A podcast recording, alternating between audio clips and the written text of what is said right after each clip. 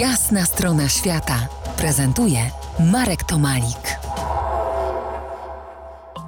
Opowiadam dziś o Kozach, największej wsi w Polsce, przynajmniej z tytułu ilości mieszkańców, drugiej najładniejszej wsi w województwie śląskim. Mówiłem wcześniej o odrestaurowanym pałacu, który mieści Dom Kultury i bibliotekę. Przy pałacowym parku jest inny, prawdziwy, piękny, żywy skarb. Chyba największa duma mieszkańców wioski. To zjawiskowo piękny platan. W ogólnopolskim konkursie został ogłoszony drzewem roku 2012.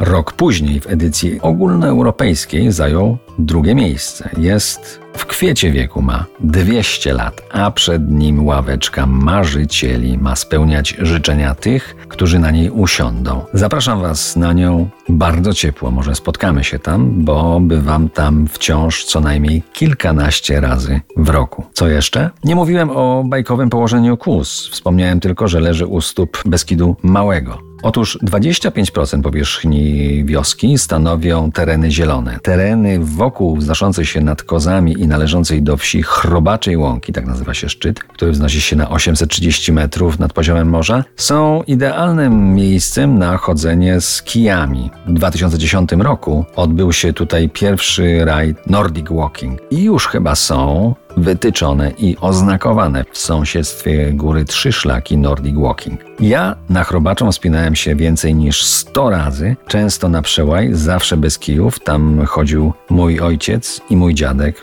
i pewnie też pradziadek. Nadal jestem tam przynajmniej raz w roku. Jedna z tras wiedzie przez nieczynny od 1994 roku kamieniołom, zaskakujące uroczysko z bogactwem tzw. Tak fauny i flory, z urwiskami i tutejszym morskim okiem. Półki skalne potężnych wyrobisk mają rozległą panoramę nie tylko na kozy, a i bielsko-białą. Rozbudzają wyobraźnię do różnych szaleństw. Nie tylko w pogodny dzień widać stąd m.in. jezioro Goczałkowickie i Oświęcim.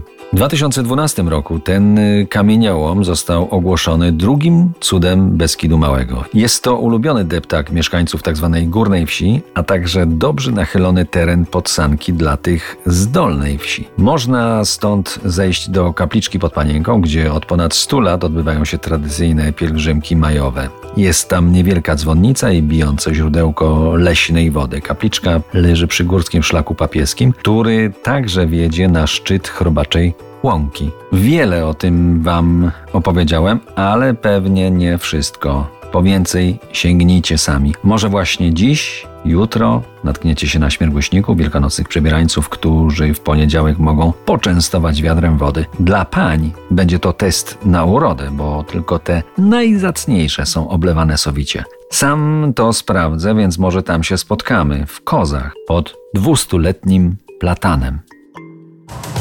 To była jasna strona świata w RMF Classic.